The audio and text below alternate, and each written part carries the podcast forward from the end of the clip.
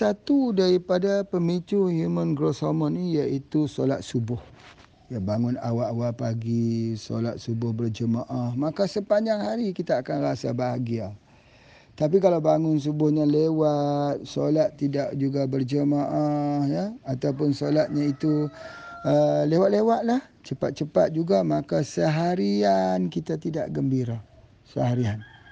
Ya, itu yang orang kalau dia sudah membaca wirid al-maksurat dia akan sebut begini berpagi-pagian dengan wirid al-maksurat itu ya berbeza dengan hari yang tidak mengamalkan wirid al-maksurat. Jadi sudah terasa terlazim dalam dirinya kebahagiaan itu dengan menyebut berzikir memuji nama Allah Subhanahu wa taala. Begitu hormon kita kalau sudah ketiadaan hormon ini dia akan jadi stres. Jadi stres ini dia ganggu tidur. Sebab tu ketika anak-anak kecil-kecil kita tengok dia tidur panjang. Masa dia baby, tidurnya panjang. Dewasa, kurang sikit lagi. Lagi-lagi tua, lagi kurang. Lagi tua, lagi kurang. Ya, sering terganggu dalam tidur. Ha, dalam tidur pun lagi terganggu. Jadi semakin kurang ini kerana apa? Kerana kekurangan hormon estrogen. Hormon estrogen pula hormon human growth hormone. Jadi oleh sebab itu maka perubahan perubahan di dalam hidup kita ini usia kita ini dia juga mempengaruhi kepada hormon. Jadi oleh sebab itu mau tak mau ya mau tak mau suka ke tak suka maka kita perlu mencari di manakah supplier supplier ya ha, supplier yang membekalkan human growth hormone ini kita perlu. Maka di barat telah mencipta human growth hormone ini asalnya mereka ambil daripada monyet. Ya, mereka ambil daripada monyet, mereka ambil di dalam otak monyet. Lalu disuntikkan kepada manusia, dibuat percubaan mendatangkan penyakit. Kemudian mereka mengambil daripada yang terkena, mengambil daripada orang mati. Bila orang mati, dia ambil human growth hormone ini di dalam mayat orang mati. Oleh sebab itulah maka mahal. Ha, maka mahal mahal sekali jadi perawatan ini. Jadi mengambil daripada sumber sumber mayat. Kemudian dibuat dengan sintetik yang begitu mahal tak mampulah. Selalunya digunakan oleh para atlet untuk otot dan sebagainya. Perubatan-perubatan elopati dan moden ini mereka cuba untuk melihat uh, dengan satu kaedah terbaru iaitu membuat pemindahan darah. Orang tua-tua itu dia ambilnya darah daripada budak-budak ataupun darah remaja. Dimasukkan ke dalam darah orang tua-tua dia bagi mendapatkan apa disebut sebagai untuk proses human growth hormone ini dia jadi lebih baik. Apakah ini berjaya? Apakah ini satu solusi yang betul? Maka ada banyak yang terjadi jadinya kanser, terjadi ketidakserasian darah dan sebagainya. Tetapi di dalam herba tak pernah salah. Ya, sejak uh, dahulu lagi orang menggunakan yem iaitu apa tu? keladi. Keladi hutan yem. Ya, kalau kita tengok pokok keladi itu kita tengok dia punya akan keluar sulur, keluar-keluar cepat sekali. Ha, itu human growth hormone. Atau menggunakan daripada tanduk, tanduk rusa. Ha, itu tanduk rusa nanti Pak Ji akan ambil dia punya gambar tanduk rusa. Tanduk rusa ni kalau kita ambil di hutan ha, ada ada dua hukum ya. Kalau kita ambil yang luruh yang jatuh itu tak boleh itu haram. Haram sebab dia dikira bangkai. Tapi kalau tanduk rusa kita nak gunakan kena tembak rusa tersebut sembelih barulah tanduknya boleh kita gunakan. Jadi kalau siapa yang menternak rusa memang pagi-pagi boleh kita lihat dah sekian lama ada tanduk yang jatuh. Tetapi tanduk yang jatuh tu kena ambil cepat sebab rusa tu akan makan tanduk tersebut. Sebab apa? Sebab dia tahu dia nak jadi muda dia kena makan balik tanduknya itu. Kerana dalam tanduk rusa itu sama tu kuku juga ya, memanjang memanjang memanjang dia ada human growth hormone. Subhanallah, subhanallah. Ya, kalau lah Pak Haji belajar dulu orang sebut tanduk rusa ni untuk pecahkan batu dalam hampedu. Ha, kita ambil tanduk usah ujung tu dia asal-asal masuk dalam ayat. ya perah sikit dengan asal limau minum pecahlah batu dalam bedu insyaallah pecah. Ada juga Pak Haji keluarkan bat, uh, madu pemecah batu empedu itu percampuran di antara tanduk rusa dicampur dengan madu lebah. Namun begitu SGH itu dah cukup sebenarnya kalau kita spray SGH itu dia boleh memecahkan batu empedu sudah cukup memang kita tak perlu buat operation lagi. Hancur. Banyak juga orang kata nak keluar macam mana, dia kata jadi besar-besar. Sementara nak keluar di dalam pedu tu kan lubangnya kecil saja. Nak keluar macam mana? Dia, dia larut. Dia larut. Batu itu menjadi larut. Itu di antaranya. InsyaAllah mudah-mudahan kita makin faham dalam apa yang Pak Haji perkatakan ini. Itu penting. Ingat ya, dos tu penting. Jadi kalau spray tu dulu ya, waktu awal-awal Pak Haji kata kita spray lah dua tiga kali cukup lah bawah lidah tu. Rupanya tak boleh. Kalau orang tu sakit teruk dia kena tujuh kali. Ya, jadi macam mana kita tengok dos kita itu cukup atau tidak? Yang pertama ialah timbul uh, segala berat dalam kepala kita tu hilang. Beban yang dalam kepala kita hilang. Dia jadi ringan. Dia jadi happy. Kalau kita spray tak happy lagi, spray lagi. Ha, kalau tak happy lagi, spray lagi. Ha, ataupun selepas itu sejam kemudian spray lagi. Sampai dia memunculkan. Sampai memunculkan perasaan itu. Begitu kita zikir pun macam tu. Zikir, zikir, zikir, zikir. Zikir sampai dia rasa kesedapan zikir tersebut. Begitu juga HGH tu. Dia spray sampai muncul. Ha, jadi itu adalah di antaranya. Jadi kita ini jangan hitung-hitung. Oh Pak Haji ni mahal pula ni. Mahal ni nak habis. Jangan hitung-hitung dengan kesihatan. Sebab apa? Dalam pengalaman hidup Pak Haji ni dia nak sampai 60 ni. Kebanyakannya orang sakit-sakit ni antaranya ialah kedekut. Dia tak mau nak belanja wang dia untuk kesihatan. Kalau soal lain boleh, boleh, boleh saja. Tapi kalau untuk kesihatan, ya Allah kedekutnya, Masya Allah, Masya Allah. Ya, jadi kita dalam kesihatan ni jangan kira-kira sangat, ya, jangan kira sangat. Sebab um, yang mana lebih bahagia, yang mana lebih berharga kalau tidak kesihatan kita. Kesihatan ini kalau dia sudah tidak sihat, maka habis wang lagi banyak duduk di hospital sebagainya. Ya, daripada kita boleh berjalan-jalan tengok dengan suara burung pagi-pagi, dengan kokok ayam, ya, kita dapat melihat keindahan itu jadi tinggal terpenjara di dalam penjara batu nama hospital. Ya, cuba kita pilihkan. Sayang, wang yang ada itu nak simpan untuk siapa ya. Jadi kita beli SGH, beli SGH. Kalau SGH ni katanya betul lah, cubalah tengok. Insya-Allah nanti kita akan jumpa banyak kelebihannya.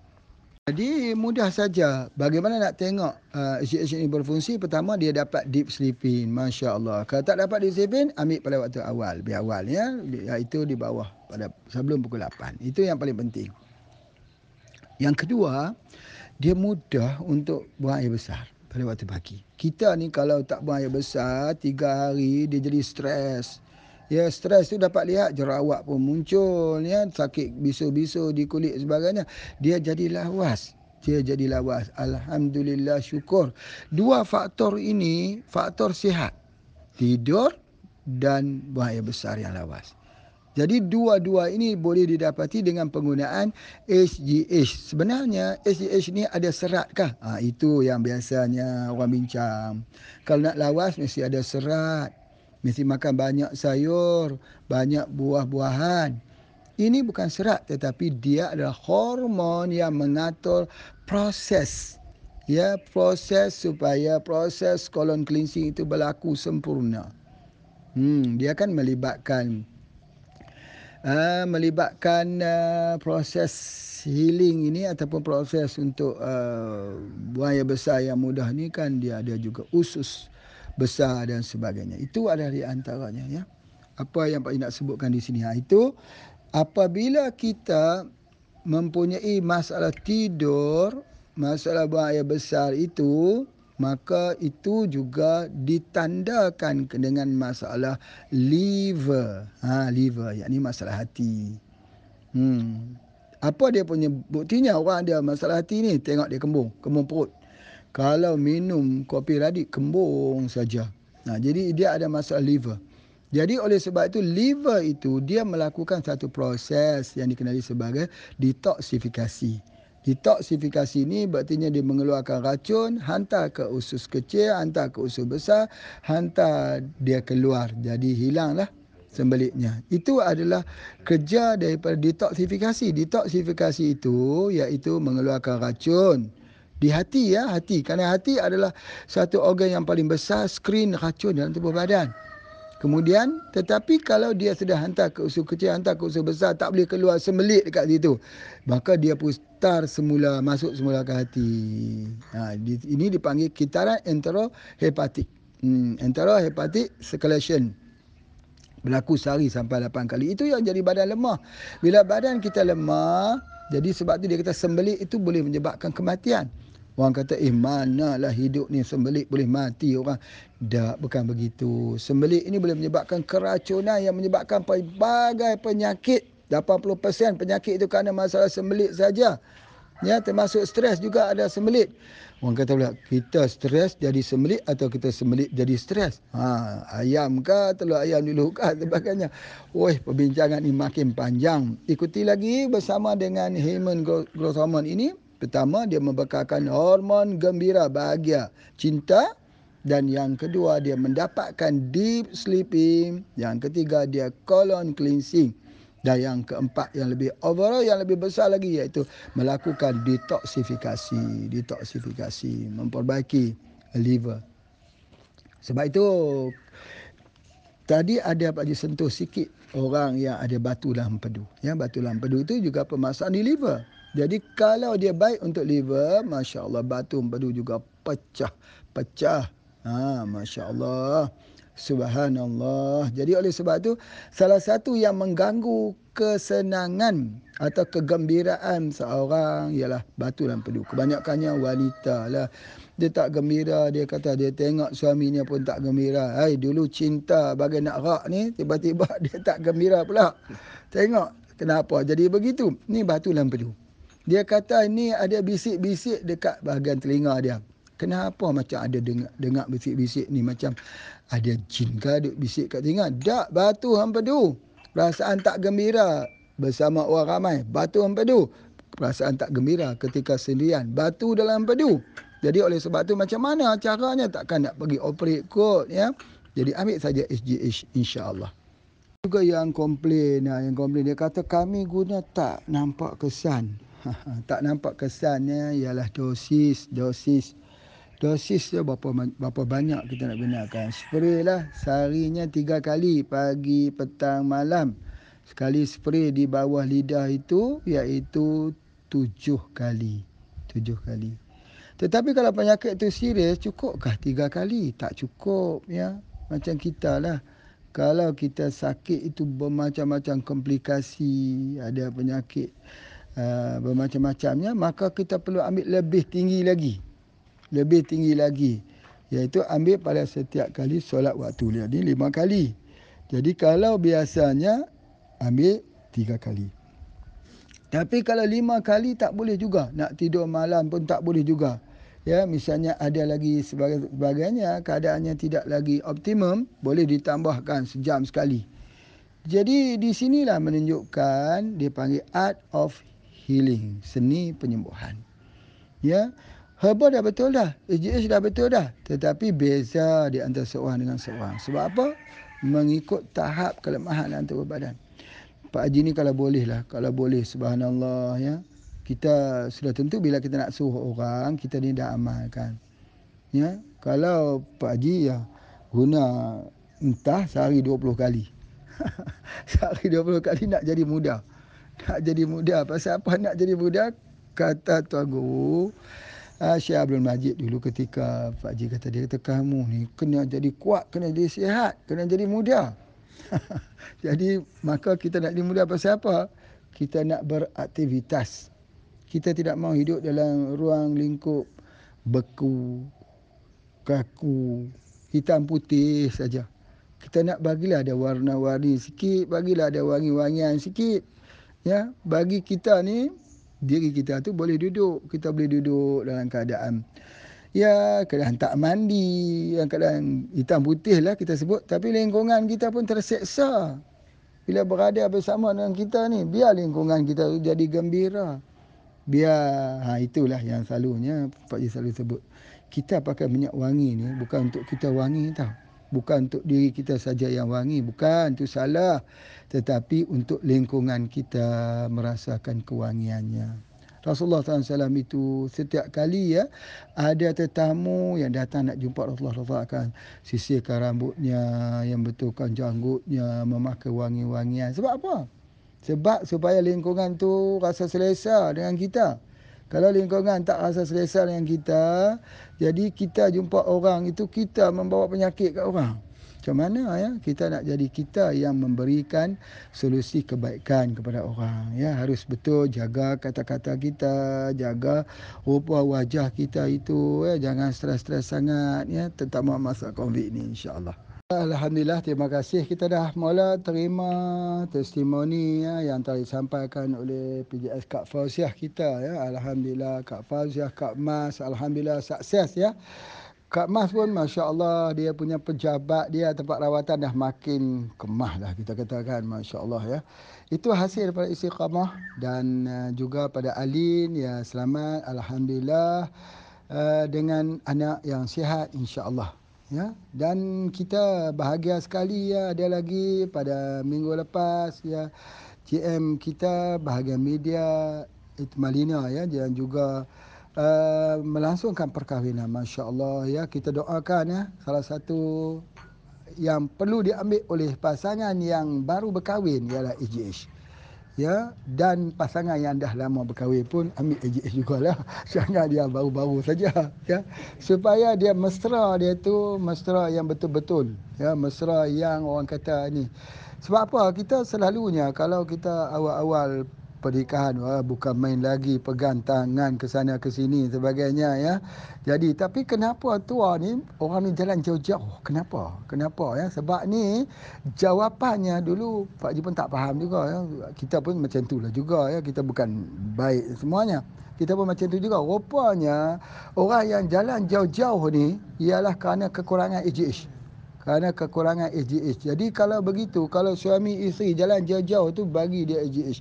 Bagi dia boleh jalan dia dekat-dekat insya-Allah. Jadi oleh sebab itulah maka AGH ni penting ya, penting untuk keharmonian rumah tangga, harmonis ha, harmonis supaya jangan duk kira nak berperang saja ni. Berantakan saja. Ini kata hitam yang ni kata putih yang ni kata merah dan kata hijau sebagainya. Jadi kita nak supaya seia sekata ya kalau tidak ada benda yang perlu nak kita pertahan sangat ya diri kita tu ikut-ikut sajalah. Si si ikut suami si anak ikut ibu ayah dan sebagainya insyaallah ya. Jadi itu di antaranya AGH ni dia membentuk keharmonian dalam rumah tangga. Memang betul. Jadi bagi mereka yang ada masalah kalau lah ada masalah banyak ni, banyak yang masalah masalah keluarga ni, ah, jual AGH saja. AGH saja. Nanti insya-Allah berubahlah. Si suami ni kalau kita tegur-tegur sangat ni dia pun tak mau dia tak suka. Dia suami dia suami dia suami ni dia kan mau sangat. Orang duk komplain. Tapi kalau bagi dia SGH bagi tahu dia untuk kesihatan hujung rambut sampai hujung kaki insya-Allah dia akan guna. Kita pun guna juga isteri pun guna suami pun guna anak-anak pun guna insya-Allah. Salah satu yang Pak Ji perasan ya perasan ni maksudnya agak ataupun menduga bahawa yang banyak mengambil AJA ini ialah Cikgu Sani dengan Cikgu Syafariah. Sebab apa? Sebab dia beli banyak. Dia beli banyak, tak tahulah dia beli, dia jual atau dia guna. Tetapi di sudutnya mempunyai keupayaan tenaga tu hebatlah. Nampak boleh main tengah-tengah malam ke Yan ambil ubat balik tengah malam sebagainya. Ya Allah. Hebat tu. Macam mana orang ni dia nak boleh bagi hati? Bagi hati artinya macam ni maksudnya dia gembira happy dengan dengan pekerjaan itu. Kalau dirinya sendiri dalam dirinya itu ada beban yang berat. Tapi maksudnya dia happy happy gembira gembira saja. Jadi kalau buat bisnes gembira gembira oh sukseslah ha, orang buat bendang buat uh, menanam. Walaupun kita tengok ya tengah tengah panas hujan mereka masih gembira Pagi-pagi dah pergi ke bagian ladang dan sebagainya. Jadi kegembiraan begitu juga. Jadi hormon gembira ini datang daripada mana? AGH. Jadi kalau spray AGH itu Masya Allah, Masya Allah. Ya, kita akan dapat lagi-lagi kesannya, kesan semangatnya, kesan kegembiraannya. Yang penting kita jangan duduk beku di rumah. Ya, PKP ni, PKPB. Jangan duduk-duduk di rumah saja, duduk fikir apa nak jadi apa, nak jadi apa, nak jadi sampai gelap dah rumah.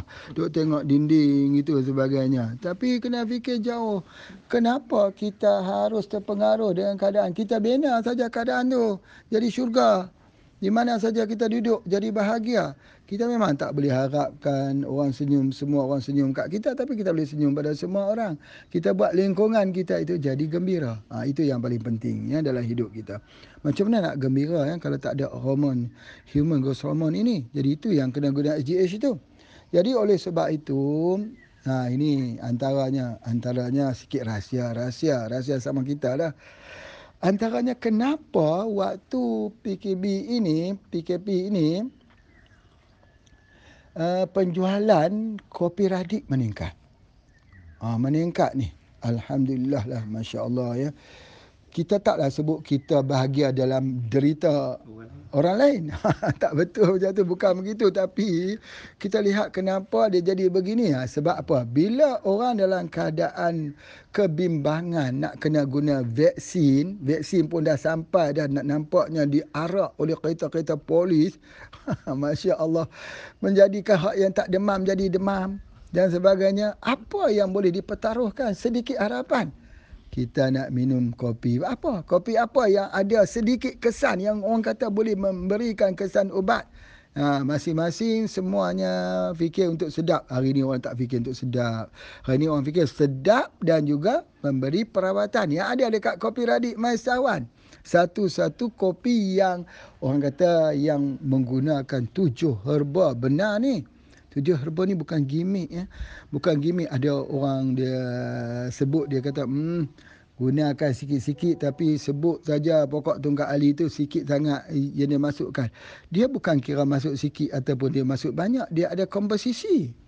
Ini orang yang tak faham ni. Kita kita kena sebut bahawa dia ada tujuh herba. Tujuh herba tu dia kena kenal dulu herba dia tu ya yang dikenali, yang dikenali sebagai yang pertama kita panggil apa? Pertama pokok halban. Pokok halban tu kena faham, kena kenal betul-betul. Kalau kalau Pak Haji memang kenal betul-betul sebab kampung kampung Pak Haji tu guar halban. Guar halban memang pokok halban banyak. Halban ni ada banyak jenis, halban pucuk hitam, halban sepang, halban tanduk, macam-macam. Halban itu. Jadi Alban ni orang tua-tua dulu dia tak ada lah dia nak makan ubat kimia apa semua vitamin sebagainya. Jadi batang Alban ni dia ambil dia rebus.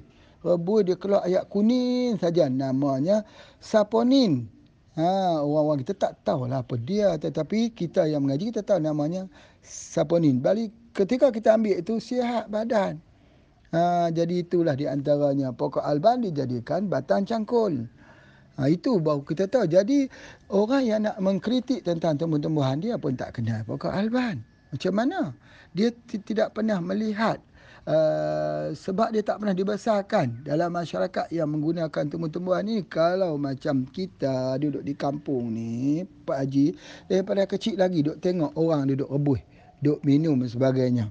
Ha, jadi oleh sebab itu maka lebih yakin, lebih yakin, lebih percaya bahawa ini adalah merupakan satu kaedah terapi. Jadi menjawab kenapa kopi radik ni pasarannya jadi makin tinggi sebab orang menaruh harapan bahawa dengan pengambilan kopi radik tubuh badan kita mempunyai resisten yang kuat ha, dengan pelbagai penyakit. Betul atau tidak? Betul atau tidak? Betul atau tidak? Kita bertanya kepada orang yang dah mengamalkan kopi radik. Mengamalkan kopi radik betul atau tidak? Mereka sudah terlupa. Terlupa apa? Terlupa bila tarikh terakhir ke hospital. Sebab apa? Sebab lama.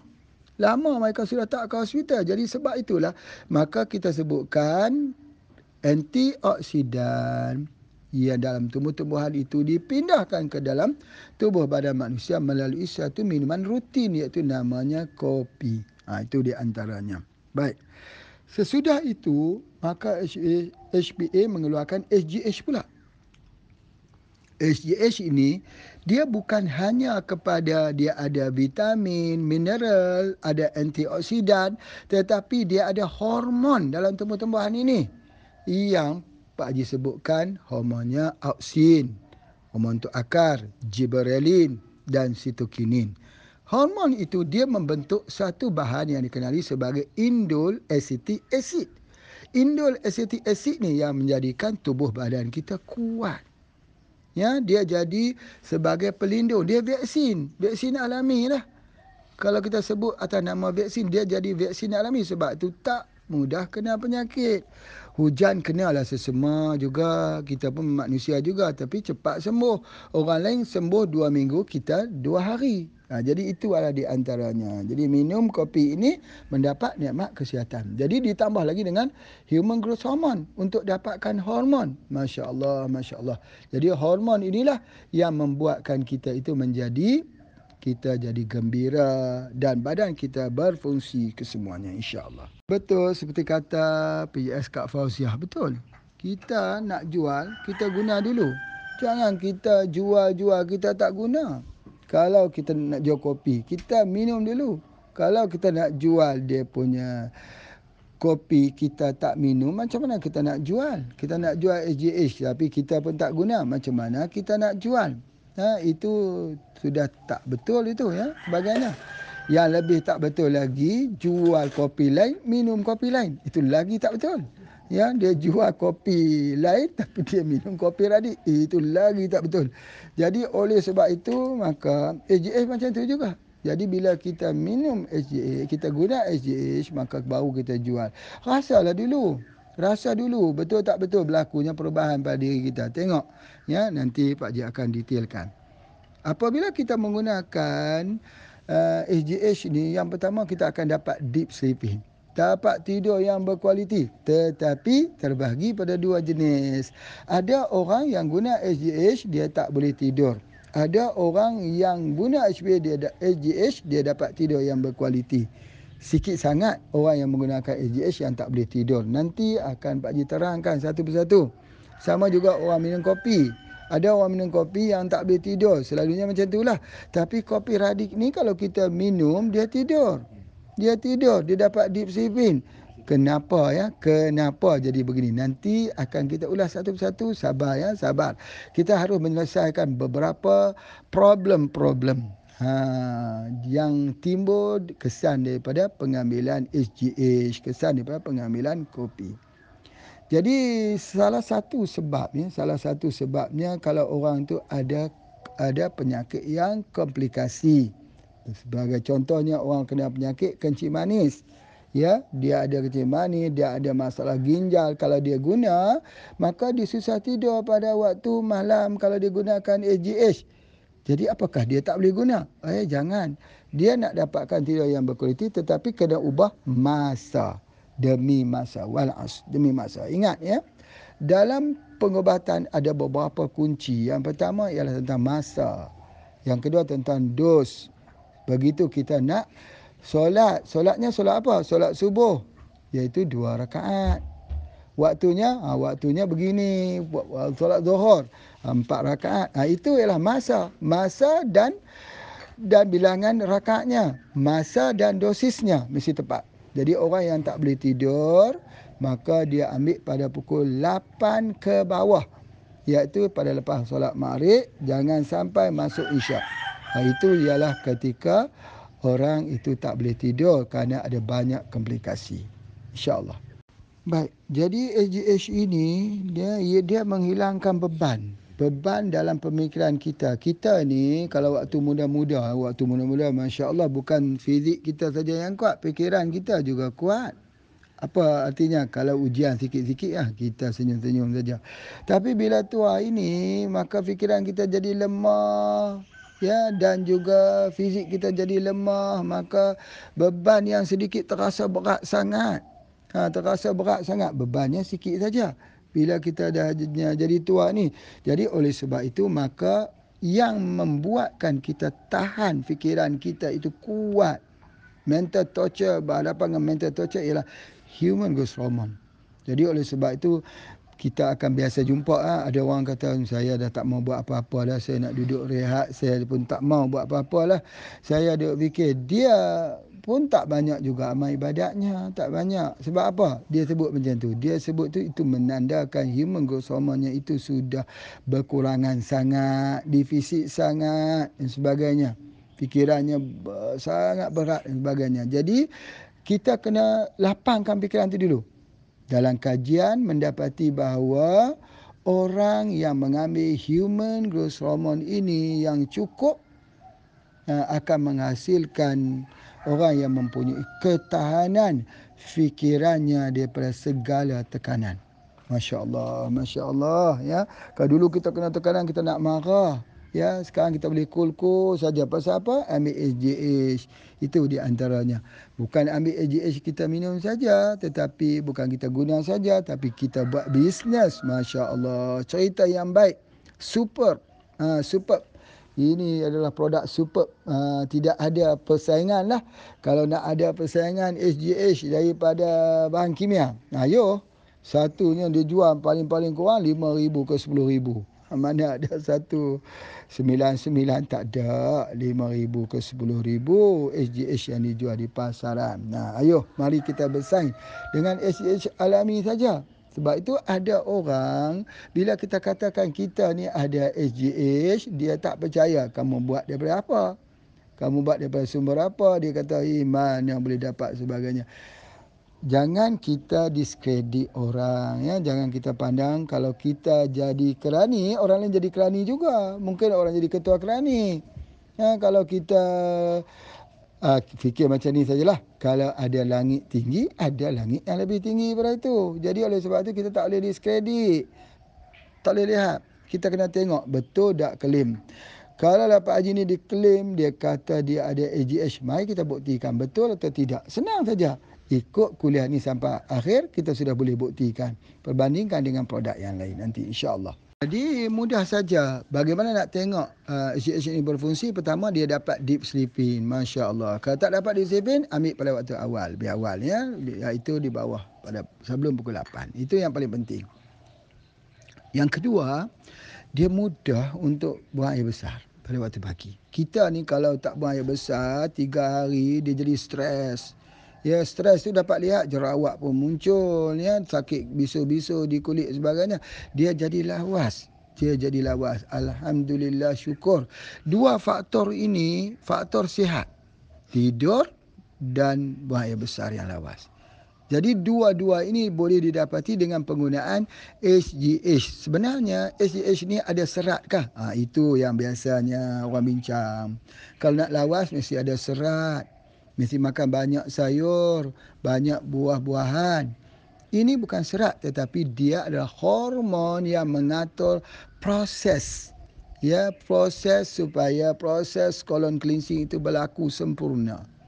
Hmm, dia akan melibatkan uh, melibatkan uh, proses healing ini ataupun proses untuk uh, buaya besar yang mudah ni kan dia ada juga usus besar dan sebagainya. Itu adalah di antaranya ya.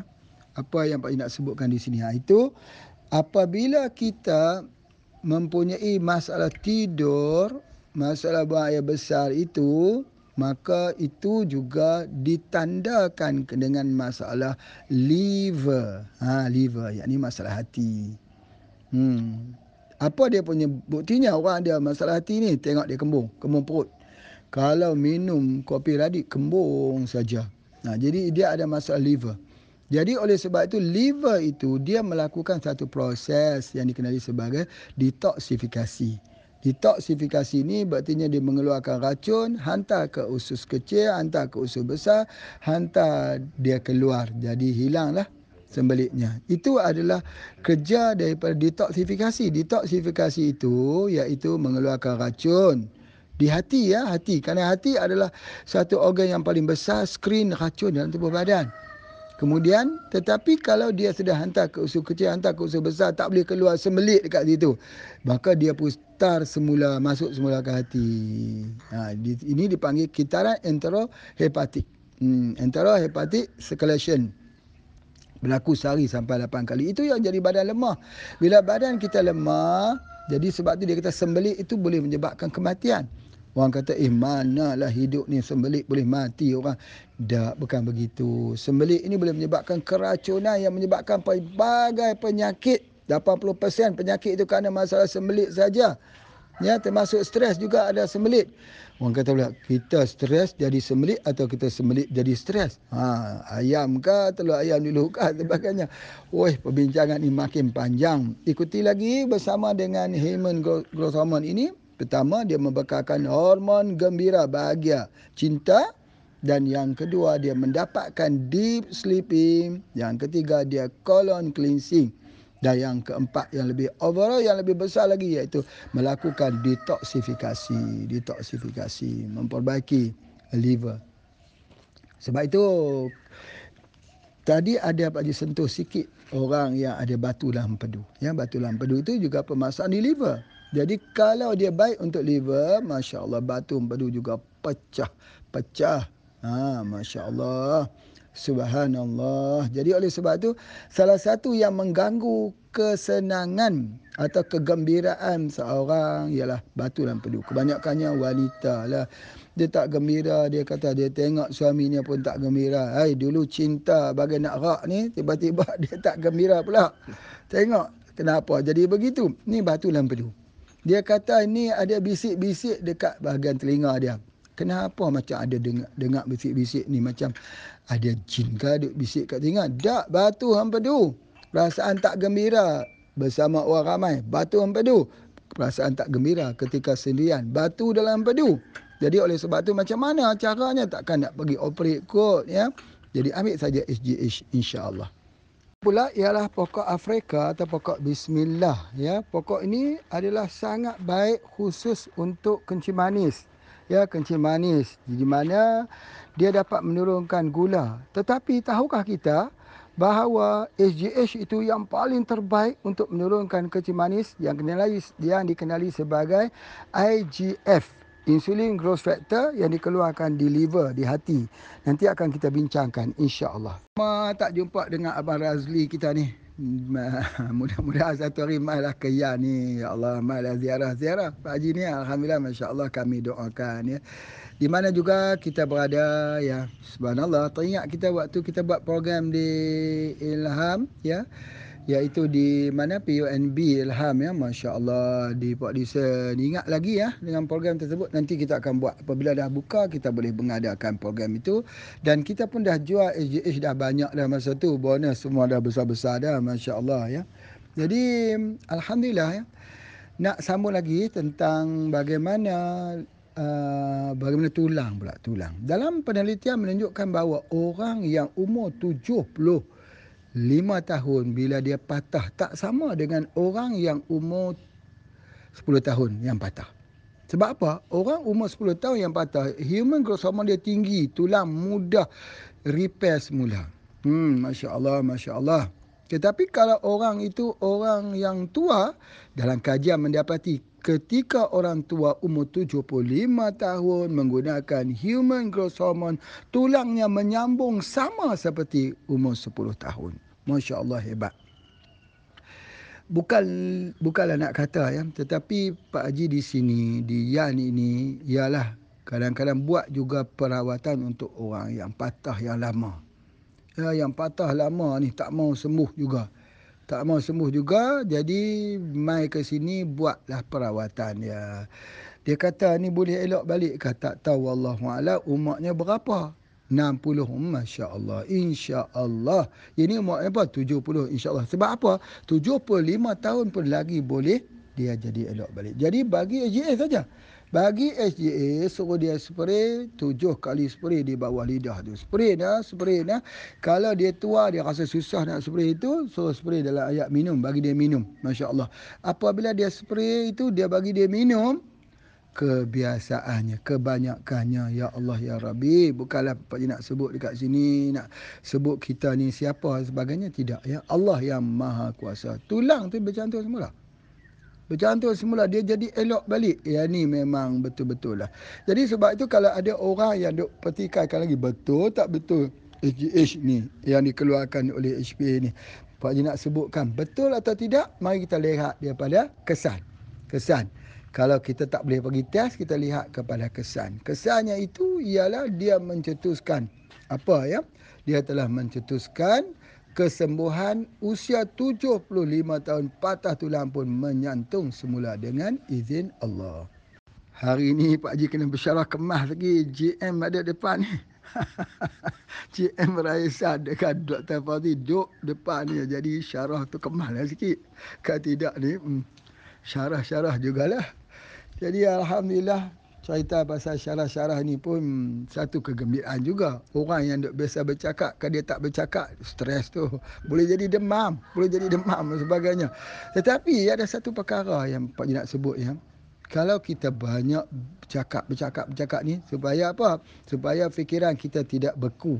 Nanti kalau tidak lambat. Kalau fikiran kita lambat, kita dah tua-tua macam ni. Nak fikir tu lambat, fikiran kita itu jadi jadi lambat, jadi pergerakan kita juga akan jadi apa? Jadi kaku, jalan pun tak segak lagi dah. Ya, kalau dulu, ha, Masya Allah, tapak tiga, tapak empat, silap harimau berantai, silap pulut dan sebagainya. Tapi sekarang jalan pun kena pakai tongkat. Ya, pakai tongkat. Ada seorang kawan Pak Haji tu, dia kata apa? Dia kata, Hampa ni dia ingat Pak Haji tu pakai tungkat ni. Ni sunnah ni. dia bukan tahu dia ingat kita pakai dia. Yalah betul Alhamdulillah sunnah. Pasti insyaAllah dapat pahala ikut sunnah Nabi SAW. Sebenarnya kita nak jalan pun macam tu juga. Tetapi baik setelah kita mengamalkan SGH masalah lutut kita beres dengan izin Allah. Ha, yang ni yang Pak Haji nak sebut ni sebenarnya. ya Bukan pasal tungkat tu nak cerita pasal mereka yang lutut yang tak kuat lutut ni dia menumpang menumpang kita punya dia masuk badan kita menumpang lutut kita ni. Ha, dia menampung berat badan kita ni letak dekat mana? Kat lutut. Kalau kita solat kita pun goyang. Baru solat duduk berdiri betul? Belum lagi kita berjalan. Jadi lutut ni dia kuat kena ambil HGH ini memang betul. Cuba cari ibu-ibu kita. Yang lemah-lemah yang duduk di rumah yang tak boleh bergerak. Cuba bagi AGH ini tulang dia akan kuat balik. Tulang. Masya Allah. Yang pertama lutut. Lutut tu sendi. Sendi dan otot. Yang kedua ada pasal tulang. Nanti Pak Ji akan menerangkan sikit tentang uh, tentang tulang nanti. Uh, yang pertama tentang lutut tu. Kalau lutut kita uh, tidak boleh atau tidak kuat, berartinya kita bersedia untuk tidur. Maka bila kita sudah mula tidur banyak, tidur banyak, tidur banyak, maka pada ketika itu semua akan jadi lemah. Semua sistem akan jadi lemah. Sebab tu dia perlukan riadah. Perlukan riadah ni kena kuatkan lutut. Lutut kita kena kuat. Lutut kita itu kena boleh berfungsi dengan baik. Jadi kena urut dengan minyak bubuk juga di lutut itu pada waktu malam. Ya, pada waktu malam. Tetapi AGH jangan tinggal. Sebab apa? Kelemahan bermula di lutut itulah yang akan menyebabkan kata orang tua-tua, kata orang tua-tua untuk mudah faham lah. Supaya kita ni kadang-kadang susah nak faham. Apa kata orang tua-tua? Dia kata, pokok kalau sudah condong, maka banyaklah pokok-pokok lain yang akan menumpang ke atasnya. Jadi dia akan mudah tumbang. Jadi kalau sebab itulah kita kata jangan sampai jadi condong. Jangan sampai jadi condong tu apa? Jangan sampai kita lutut kita itu uh, jadi lemah. Macam mana? Ambil SGH. SGH tu ya. Cubalah tengok, bagi tengok berapa ramai banyak testimoni orang yang tak boleh solat sambil berdiri duduk atas kursi ya. Atas kursi tu kalau kita pergi ke masjid kita tengok ada yang duduk atas kursi cuba hampiri dia hampiri dia dengan niat bukan tujuan kita nak jual kita punya AJS ni tak cuba bagi dia sempurna dia solat sempurna kita tengok mudah lagi cuba hampiri dia abang mau tak jika saya nak bercerita bercerita sesuatu kepada abang Ha, jadi kita ni kalau kita jumpa orang jangan niat kita nak jual. Bila kita niat nak jual orang tak beli maka kita jadi lemah. Kita jadi tak kuat. Tapi kita niat apa? Niat kita nak berkongsi. Baliul anni walau ayah. Nabi dah bagi clue dia. Sampaikan daripada aku walaupun satu ayat. Jadi kerja kita menyampaikan kita hanya menyampaikan kepada orang suruh guna SGH. Jadi kalau dia tak mau guna, dia persilakan. InsyaAllah tidak jadi permasalahan di situ. InsyaAllah.